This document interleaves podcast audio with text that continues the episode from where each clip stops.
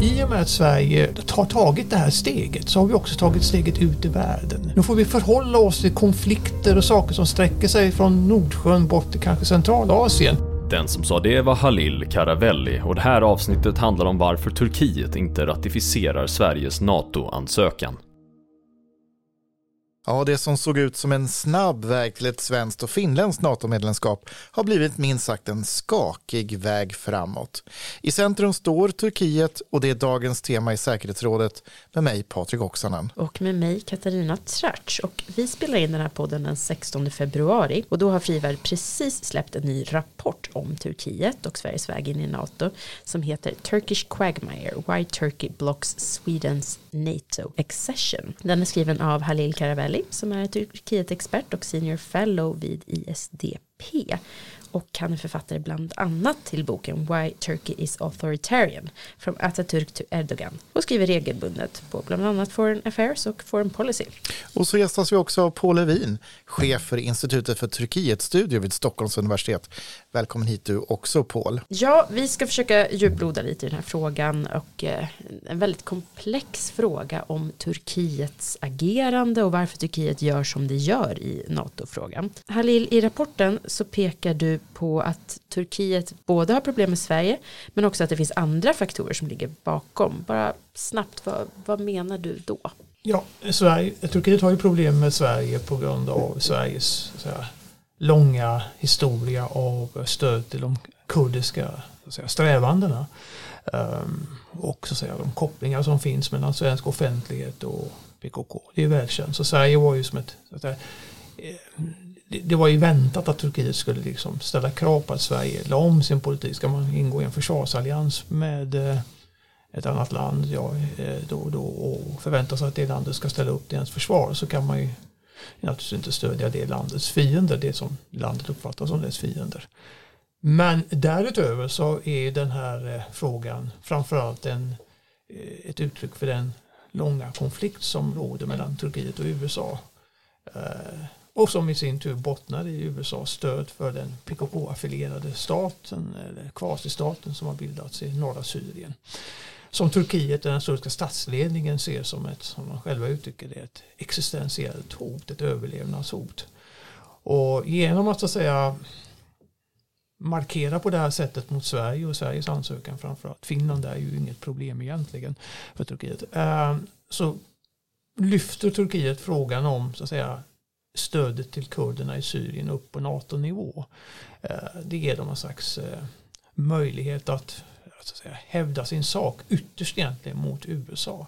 Mm. Så jag skulle säga så här att om USA då eh, gjorde det som Sverige har gjort i synen på kurderna så skulle den här frågan vara löst. Och i synen på kurderna då menar du det att man har brutit med de här PKK-affilierade grupperna i, I Syrien, på, i Syrien precis på gränsen mellan Syrien och Turkiet.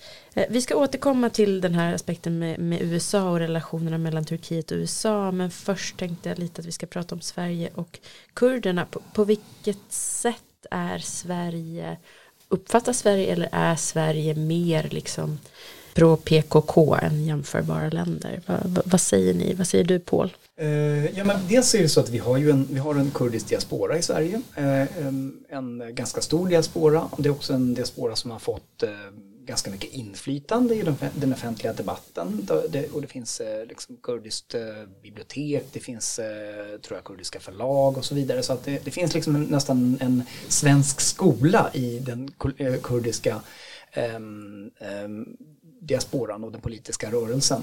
Ehm, och eh, bland då de många kurder som finns i Sverige så finns det eh, de som sympatiserar med PKK. Och PKK bedriver med vad det verkar eh, finansiering av verksamhet, bland annat då i Sverige. Ehm, också i Tyskland. I Tyskland har vi sett ett antal rättsfall där, där man, man går efter så att säga PKK för detta. Och man också rekryterar folk och så vidare. Ehm, det är ju så att eh, den här ehm, Eh, ja, den här dimensionen är någonting som sticker i ögonen på, på Ankara och på många, många turkar där de tycker då att, att eh, Sverige är alltför för, eh, slapphänta gentemot eh, PKK som ju är en, en terrorstämplad organisation. Sen är det förstås så att det är många kurder i Sverige som, som då eh, tycker att det är en, en legitim eh, så att säga, motståndsrörelse mot vad de ser som den turkiska statens förtryck. Eh, det är inte en syn som delas av alla kurder men det finns då, dock en, en eh, ansenlig del som, som ser det på det sättet. Hur ser du på det här samspelet i den svenska debatten mot den turkiska debatten när det gäller just den, den kurdiska frågan? Ja, det är ju helt skilda världar eh, naturligtvis. Och eh, Ehm, jag noterade var att man i de turkiska tidningarna skrev efter de senaste händelserna. Det handlar ju både om PKK-demonstrationerna och dockhängningarna och koranbränningarna. Att Sverige uppträder inte som en allierad. De har ännu inte gått med i alliansen och de uppträder redan på det här sättet. Så att säga, som ett fientligt sinnat land.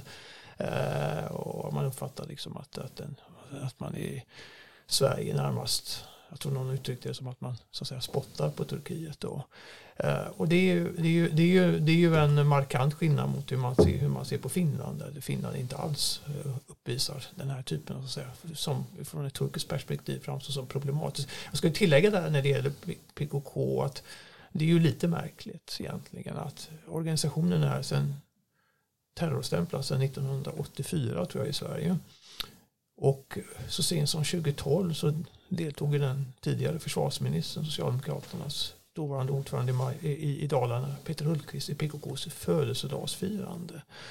Alltså det är ju ganska absurt. Och, eh, och sen har ju andra, som vet, Pierre Schori har ju talat om, om dem som kurdiska frihetskämpar och så. Att det, det, det är ju liksom, det är den, den bilden man har i den svenska offentligheten. Och ja, och eh, och naturligtvis till detta då i som, förra sommaren med vänsterpartistiska riksdagsledamöterna som viftade med PKK-flaggor. Och, eh, så det finns ju många sådana exempel där man i Sverige, i den svenska offentligheten finns en aningslöshet. Det är naturligtvis jättebra att man har det här engagemanget för kurderna, absolut, för demokrati och reformer i Turkiet och för den kurdiska minoriteten. Men vad man har missat tycker jag i svenska offentligheten är ju att dra en skiljelinje mellan PKK och legitima kurdiska aspirationer. Och, alltså, det är ju också så att även om man kan hävda att PKK inom sin väpnade kamp mot Turkiet har på något sätt sakligt sett bidragit att tvinga Turkiet att göra en massa eftergifter med att erkänna, tillerkänna kurderna en rad rättigheter som de inte hade innan. Så är det också så att den här militanta hållningen som PKK har som ytterst syftar till att ta loss en del av Turkiet och bilda ett Kurdistan som omfattas sydöstra Turkiet eh, eh, Syrien, norra Syrien och Irak. Eh, det, det, är ju en, det är ju en liksom målsättning som kolliderar med Alltså, alltså, demokratisering i Turkiet. Alltså, på det sättet att liksom, den extremismen gör det svårare i Turkiet att skapa en slags bred progressiv enighet eller liberal enighet, vad man kallar det, kring demokratifrågor. Eftersom den här äh, separatistiska aspirationerna driver en kil genom det turkiska samhället. Och där tror jag att man måste kunna ha två tankar i huvudet samtidigt. Både vara för minoritetens rättigheter men också se att den organisationer som är, driver extrema separatistiska krav också kan försämra demokratins mm. utsikter. Jag tänkte att vi ska komma tillbaka till det just, eh, just äh, frågan, frågan om kurderna och PKK. Men vi ska bolla tillbaka lite till, till det, den tes som du framförallt driver i din rapport, nämligen skälet till, till att Turkiet blockerar Sveriges NATO-medlemskap. Det har ju diskuterats mycket i svensk media, fram och tillbaka och två återkommande faktorer och liksom förklaringsmodeller vi ofta hör är att det här är valt strategi och det handlar om att Turkiet ska få köpa amerikanska F-16 stridsflyg. Eh, du avfärdar det här ganska rätt och slätt i rapporten. Varför ja. då? Ja, det är mycket större strategiska frågor som står på spel för Turkiet. Det handlar ju att eh, det är rätt så tillvida att, eh, alltså, att F16-planen riktar uppmärksamheten på Turkiets konfliktfyllda relation med USA. Men att de planerna är ju en, en, en, en modell som är på väg att ut och att Turkiet ska betalar väldigt mycket pengar för dem. Eh, och de behöver det för att, så att säga, modernisera sitt flygvapen men alltså samtidigt så att säga, utveckla egna stridsflyg innan de hunnit göra det. Men det är ju, ersätter ju inte eh, det faktum att, eller kompenserar inte det faktum att Turkiet blev utslängt från F35-programmet av USA efter att de hade köpt ryska eh, eh, luftvärnsmissiler.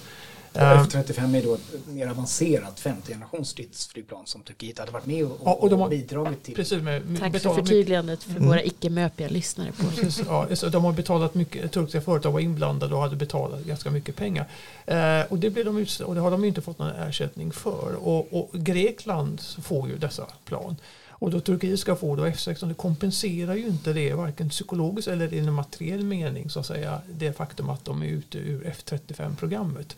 Eh, även om, man, även om det skulle stämma att Turkiet egentligen vill ha stridsflygplan från USA så är det också det är problematiskt om nu som kongressen gör, man kopplar då F16 till Turkiet, lite äldre stridsflygplan och så ser man samtidigt F35 till Grekland. Så även om det skulle vara någon slags muta som skulle kunna hjälpa till så är det nästan förutmjukande för Turkiet. Precis, precis. Hade, kanske hade saker kommit en liten annan dager om, om amerikanerna sagt ja vi kan ompröva och ta tillbaka er in i F35-programmet. Då, då, då kanske det möjligen hade, men det finns ju, det, det finns, till och med den amerikanska kongressen sätter sig på, på, på tvären när det gäller F16.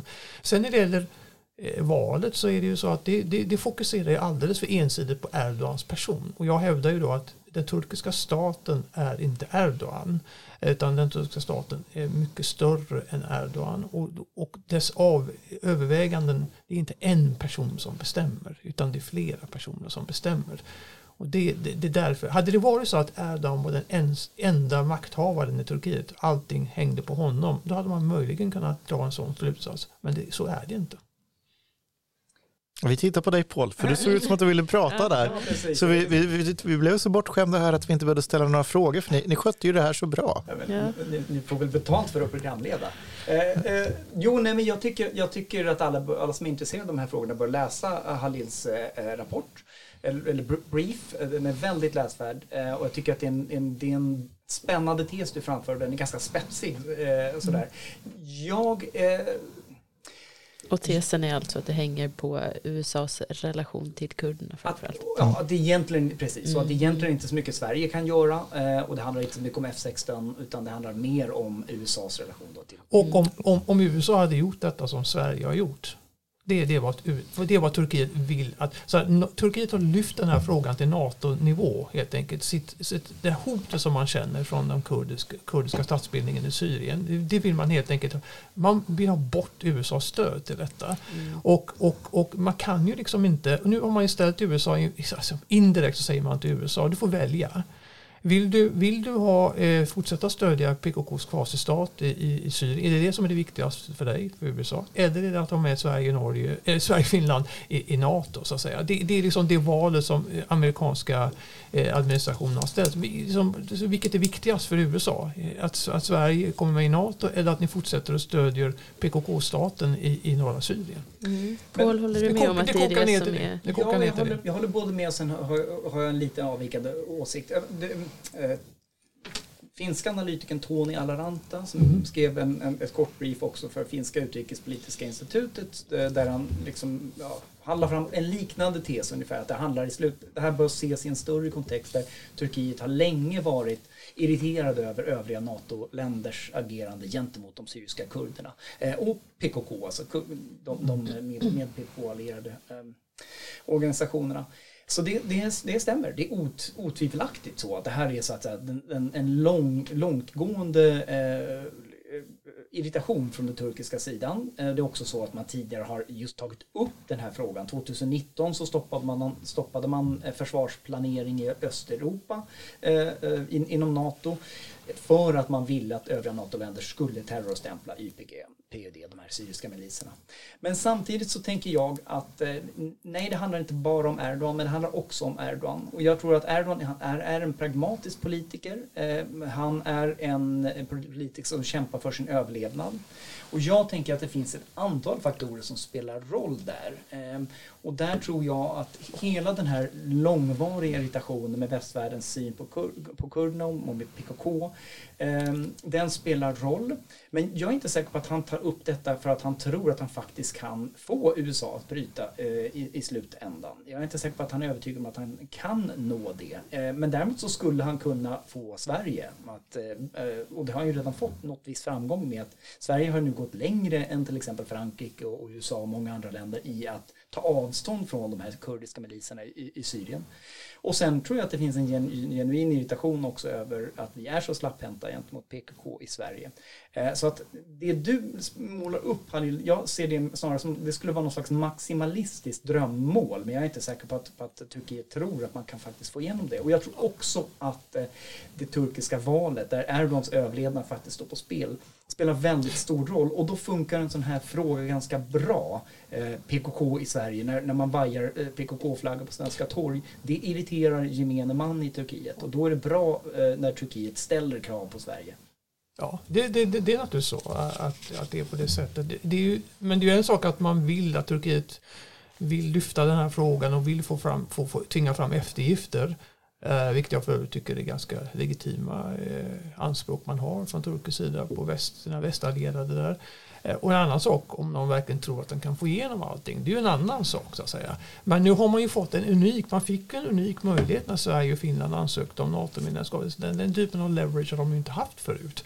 Och nu vill ju USA någonting jättegärna. Eller hur? De vill ha in Sverige och Finland i NATO. Och då har ju Turkiet för första gången fått servera på ett guldfat en möjlighet att ja men vill nu det så hemskt mycket då vill jag ju någonting annat att säga.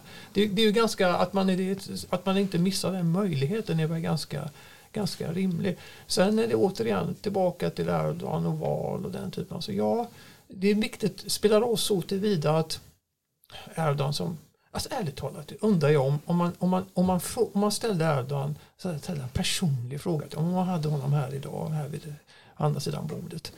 Han är 68 år gammal, 69 har han fyllt. Han är väldigt, väldigt sliten. Han är märkt av åldern. Han är, ser snarare ut som en 79-åring. Han är böjd. Han har svårt för att gå. Han har ju en massa hälsoproblem uppenbarligen. Och ställa frågan, vill du verkligen fortsätta fem år till? Han har ju, han har ju varit på topp nu sen han blev vald borgmästare i Istanbul 94. Och han har lett detta, detta oerhört bökiga land som Turkiet är sedan 20 år. Och det är ju, det, är ju, det finns ju ingen annan som har hållit ut så, ja, det skulle vara Putin då. Eh, men, men, men, men personligen vill han verkligen fortsätta eller vill han inte egentligen dra sig undan?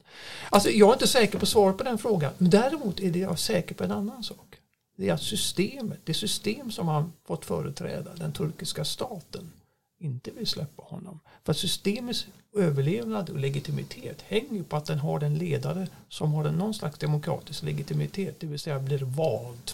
Och till den punkt, förrän man når den situationen, man har en annan, ett alternativ, staten har ett alternativ till Erdogan som kan företräda statens intressen, göra vad staten säger till dem att göra och som har demokratisk, åtnjuter demokratisk legitimitet. Tills man har hittat den personen så får Erdogan fortsätta göra sin värnplikt. Det är så det ser ut bilden. Han får, han får kämpa på. Han vill inte detta egentligen. Rimligen, mänskligt sett vill han det inte längre. Nu sitter du och skrattar lite grann. Du kanske ska få och ler. Du kanske får replikera där innan jag ska föra in er på ett nytt spår. Ja, men jag tycker det, alltså, det blir ju väldigt svårt. Det är ett, det är ett eh, det är väldigt centraliserat system. Det är ett presidentsystem sedan 2018 där presidenten har väldigt mycket makt. Eh, men det är klart att jag tycker, alltså, det du lyfter fram Halil, det är väldigt bra att det finns också en statsapparat bakom och att, det, man ska inte reducera Turkiet till Erdogan, vilket ganska många gör eh, i viss utsträckning. Men man ska inte, man ska, jag tror inte man ska underskatta hans makt heller och hans, makt, hans maktambitioner. Menar, den turkiska staten som sådan, liksom institutionellt, skulle ju kunna ha eh, det oppositionspartiet CHP, det gamla statsbärande partiet, i koalition med E-party som ju är ett ultranationalistiskt parti som kommer också ur den här liksom, eh, tra, ja, högernationalistiska statsgrupperingarna. Det skulle kunna vara en... en, en ja, inget alternativ helt enkelt. Det, därför säger, att de behöver stöd från. Alltså, ja, ja, precis. Ja, det, och, och, och för, för lyssnarna nu, kan ni, kan ni bara kort då dra vad är det för förkortningar ni säger här nu? Republikanska folkpartiet som Paul hänvisar till som var det parti som eh, grundade Turkiet, som Kemal Atatürks parti. Han var han som grundade partiet 1922. Eh, det tror jag faktiskt hösten 22 så det bildades innan republiken. Eller var, kan det ha varit några veckor innan republiken. Hur som helst. Eh, 22 var det, hösten 22. Och det partiet styrde Turkiet som auktoritär enpartistat mellan 1923 och 1950. Och sen dess har det inte varit. Det, kort kom det till makten på 70-talet eh, då det partiet hade omvandlats till socialdemokratiskt parti.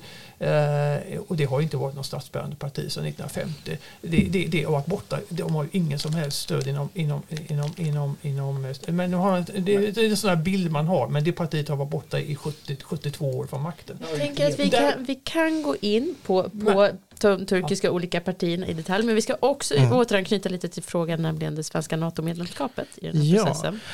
Men allra först vill jag bara skjuta in en ett till spår. Och jag varnade egentligen samtalet innan här att det här bubblar så många frågor parallellt så här kan vi hålla på hur länge som helst och det här poddsamtalet kommer vi kunna krascha med alla olika aspekter.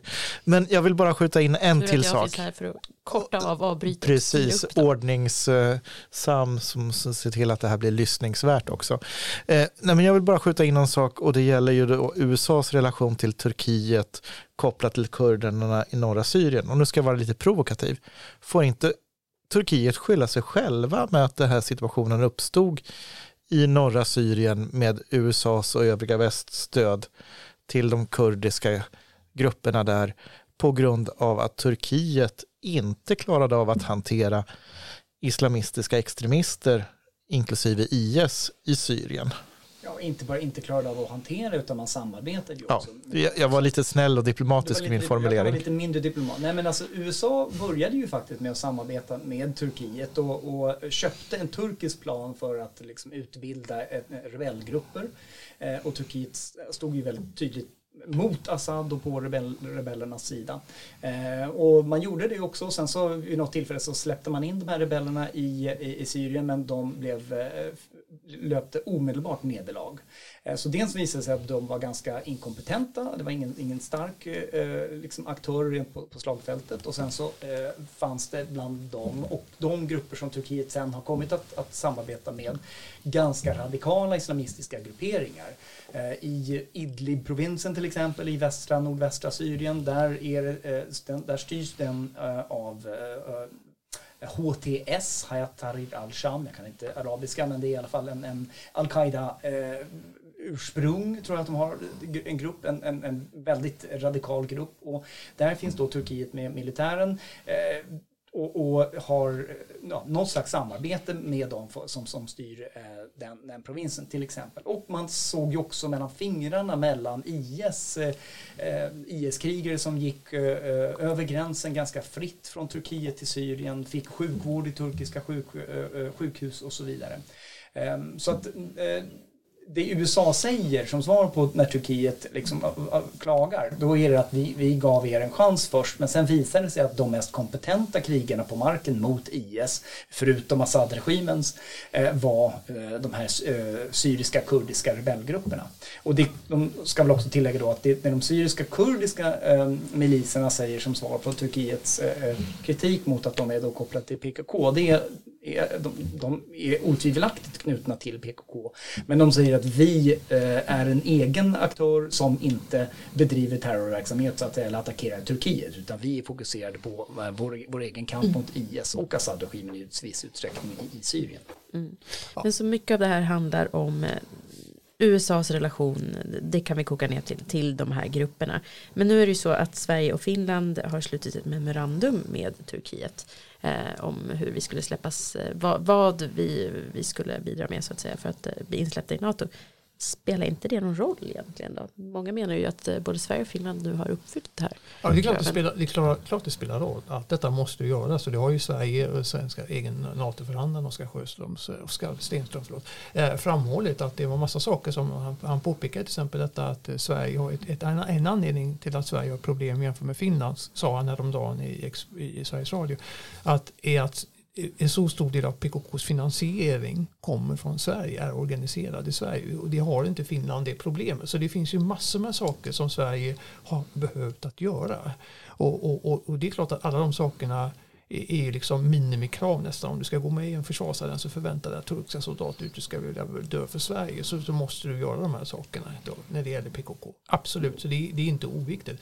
Men, men, eh, eh, men, men det räcker inte för att vi ska bli medlemmar i NATO? Nej, utan, utan, utan, utan därutöver då framförallt så måste då eh, USA, eh, jag menar det, det, det är tänker som på säger att Turkiet inte kanske tror att USA kan göra allt detta då, men, men de måste göra någonting i alla fall i, i att inte fortsätta det här stödet till PKK-staten i Syrien. Sen har ju Paul rätt i alltså, den, den, historien som började där med kurderna i, i, det förtjänar att påpekas att 2012 när kurderna utropade sig som en autonom region, Rojava, som betyder västra Kurdistan i Syrien, så genast där, eh, tror jag det var hösten 2012, så gick islamistiska grupper, Jabhat al-Nusra, in från Turkiet, från turkiska gränsen och attackerade kurderna.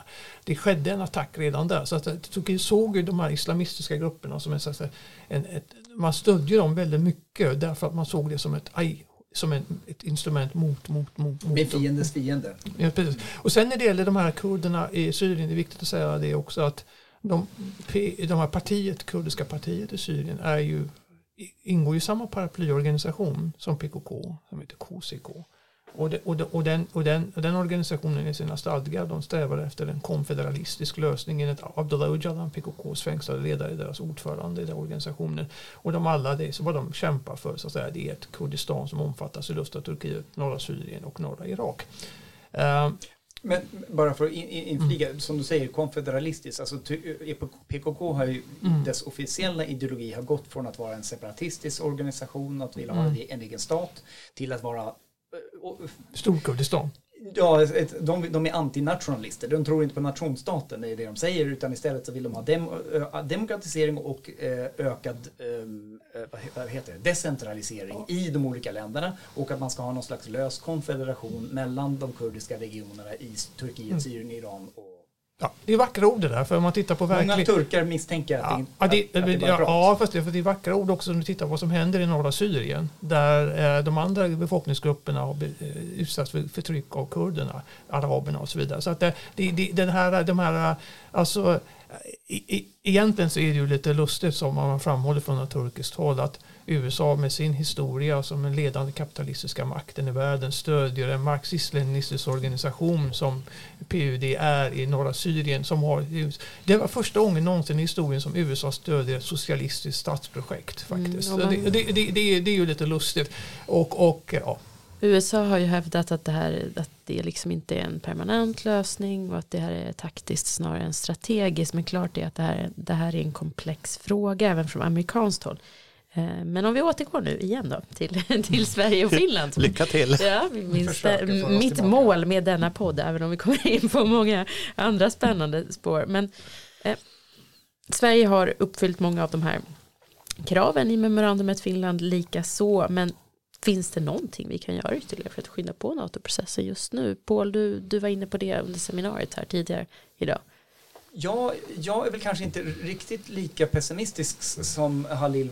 Jag tror att det finns en del som Sverige fortsatt kan göra. Eh, alltså, det här memorandot är lite komplicerat därför att det, in, det, finns ett antal punkter då där vi säger att vi, säger att vi ska agera eh, på de här punkterna och alla, Sverige har agerat på i alla de här punkterna men vi har kanske inte eh, ja, kommit i hamn. Nu såg jag alldeles precis mellan vi hade vårt seminarium och innan vi började spela in att eh, den turkiska utrikesministern eh, Çavuşoğlu hade gjort ett uttalande eh, där han sagt att Sverige har långt, eh, lång väg kvar att gå eh, och eh, det är helt, helt nytt och han säger att eh, ja, vi har inte sett något på marken så att säga. Så vad jag tror var, vad Turkiet, vad jag är rädd för att Turkiet väntar på är, att Sverige inte bara då ska införa den här nästa eh, antiterroristbrottslagen i juni som eventuellt då kommer att träda kraft i juni eh, om den antas i riksdagen utan att man också vill se så att säga resultat, konkreta resultat i form av, av eh, ja, polis, polisiär verksamhet och, och, och åtal mot, mot eh, PKK i Utvisningar så att säga kanske också. Det, dessutom har de ju tryckt länge på utvisningar och utlämningar. Utlämningar tror jag är uteslutet men, men utvisningar tror jag att vi kommer att få se. Men det, det du säger visar ju att de sätter ju, de har det här, de, de, de, det, det är intressant att Cavusoglu fick ju den där frågan förra våren när det gäller hur länge kan vi, Turkiet, kan Sverige få vänta Och då vet jag inte om han hade rätt i det, men han påstod att Nordmakedonien hade fått vänta i 15 år på grund av Greklands motstånd. Jag tror att 20 till och med. Ja, han sa 15 år, ja, och han gav siffran där 15 år. Ja, vi kan vänta, sa han. Och eh, jag skulle säga så här att eh, för det första, vi har pratat om massa saker om Syrien och Turkiet och så vidare som utifrån Sveriges NATO-ansökan. Det visar ju på något sätt hur intressant detta är. För i och med att Sverige har tagit det här steget så har vi också tagit steget ut i världen. Nu får vi förhålla oss till konflikter och saker som sträcker sig från Nordsjön bort till kanske Centralasien och lära oss om detta. Det är liksom en läroprocess för svenskarna. Nu, gäller inte, nu, nu räcker det inte feministisk utrikespolitik, nu räcker det inte att, eh, att eh, ha, eh, ha de här kurdiska milisledarna på UD och så vidare. Den typen av lite ansvarslös utrikespolitik kan vi inte bedriva längre utan nu måste, vi till, nu måste Sverige, det är realpolitik och lära sig om saker och ting. Eh, det är det första. Och det, det, vårt samtal illustrerar det. För det andra skulle jag säga, alltså, nyckeln till eh, Sveriges väg, alltså det är det här eh, det är att den dominerande kraften i den turkiska staten som är de högernationalistiska krafterna som styr polisen, i militären, i säkerhetsväsendet, i rättsapparaten. Den, de är otroligt fientliga mot USA. De ser USA som ett hot, existentiellt hot mot Turkiet. Och de är, kommer inte att släppa in Sverige förrän USA har övertygat dem om att, de inte, att inte USA vill Turkiet ont. Alltså den här högernationalistiska alltså antiamerikanismen, känslan av att man är hotad av USA, den, ska in, den kan inte överskattas. Tror ni att den här insikten har sjunkit in på andra sidan Atlanten i Washington? Nej. Om, hur, om liksom djupet i krisen? Nej, där tror de ju bara, vi av med Erdogan så blir allting bra.